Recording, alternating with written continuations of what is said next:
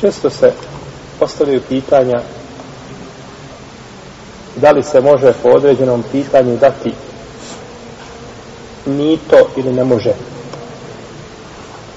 Pa su to učestala pitanja da li je određena stvar mito ili nije mito. Pa ljudi ne mogu razlikovati kada je nešto mito, a kada nije mito.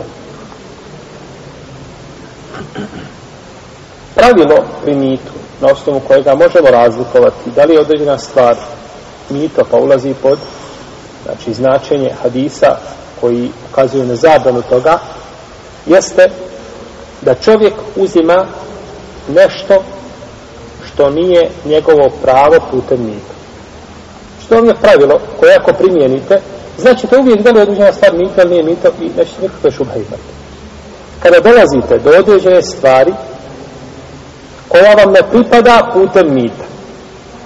Na primjer, čovjek završio fakultet za učitelja. Nije bitno. I želi da se zaposli. I došao u biro zapošljavanje, ispred njega ima stotinu ljudi. I on bude sto prvi. I čeka šta? Red, čeka da stavi učitelj u penziji, da ti dođeš na red, jel tako? To je red. I tebi nakon tri mjeseca da stvarno čekati. Treba čekati dvije godine, ili tri, pet možda. Pa odeš, pa kažeš onome tamo u birovu, možda staraju sve kako to nije.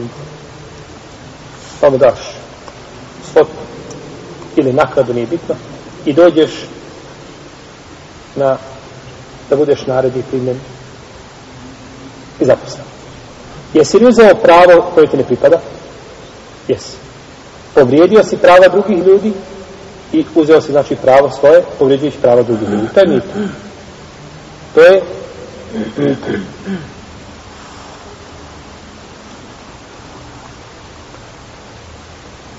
Učitelj donosi ispit, daje ispite i kako god da uradiš ispit, on popravi i kaže, vidi, ovdje si napravio grešku, nisi odgovorio ispravno, ovo je greška, greška i nisi zadovoljio, nisi zaslužio prolaznu Ti jedan ispit, drugi ispit, kažeš treći da nije bio tako ja platim, pa prođe. Mito. No, međutim, profesor ti kaže, slušaj, kod mene nećeš proći. Smo jasni. I završena priča. Nešto to. Nešmeta, profesor, kaže, nećeš proći. I ti uradiš ispit i pripremiš se, odgovoriš sve i on opet tamo stavi negativnu ocenu. Kaže, nećeš proći i završena priča. I ti platiš da prođeš. Je li to mito? Nije. To nije mito. A? Jako bitno. Jer nisi uzeo šta? Ničije pravo i nisi uzeo ono što ne zaslužuješ. Ti zaslužuješ šta? Prolazno, a zaista da čovjek zaslužuje. Ti zaslužuješ prolazno, a on ti ne da. I dođeš u ustanovu i hoćeš određeni dokument. Kaže, ne može. I vidiš da ti ne da da preplatiš. I ti imaš pravo na taj dokument. A on ti ga ne da. Ili odugovlači s tobom. A tebi je to potrebno. Ako platiš, je to mito? Nije. Jer nisi uzeo ono što ti šta ne, ne pripada. Nego nisi mogao doći zato što ti neko ne da tvoje pravo koje zaslužuješ osim putem čega? Plaćanja, kažemo pod davnim znacima mita. Pa onda to nije mito. Znači svaka stvar gdje čovjek uzima pravo nečije ili dolazi do prava koje ne zaslužuje, smatra se mitom. A tamo gdje mu neko uskraćuje njegovo pravo, ti si došao, na primjer, na birovu si četiri godine. I ljudi koji su na birovu, ista je struka kao tvoja, nemaju nikakve prednosti nad tobom, zaposlili se već prije dvije godine. I ti je šta je, kaže, čeka. Pa čekaš, čeka. I vidiš, znači, otvoreno da se radi šta? Da se radi o korupciji, da je to, da se dolazi. I ti platiš, dobiješ jedno mjesto. Je to mito? Nije. Jer ti nisi uzeo ničije šta? Pravo, niti si uzeo ono što ne zaslužiš, ja to zaslužujem. Ali ovdje treba čovjek biti pravedan.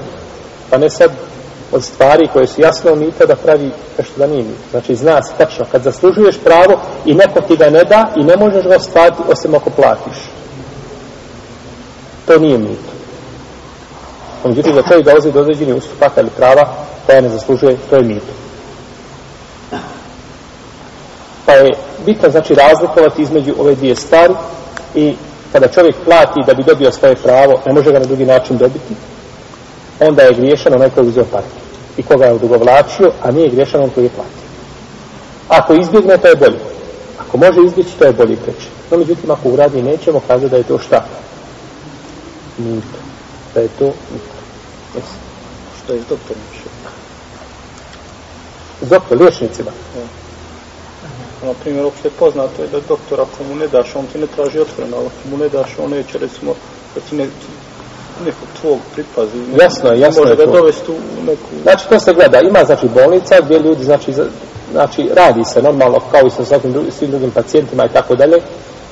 Nije dozvoljeno tu, znači, davati ništa. Ali ako znaš da neće niko pomaknuti, ni, niti ga zanima zbog pacijenta, to je, znači, isto stvar dolaska do svoga prava koje zaslužuješ, a on ti ga ne da osim ako šta. Pa, recimo, ja znam, ima bolnica u ovaj, bi, u šoj Bosni.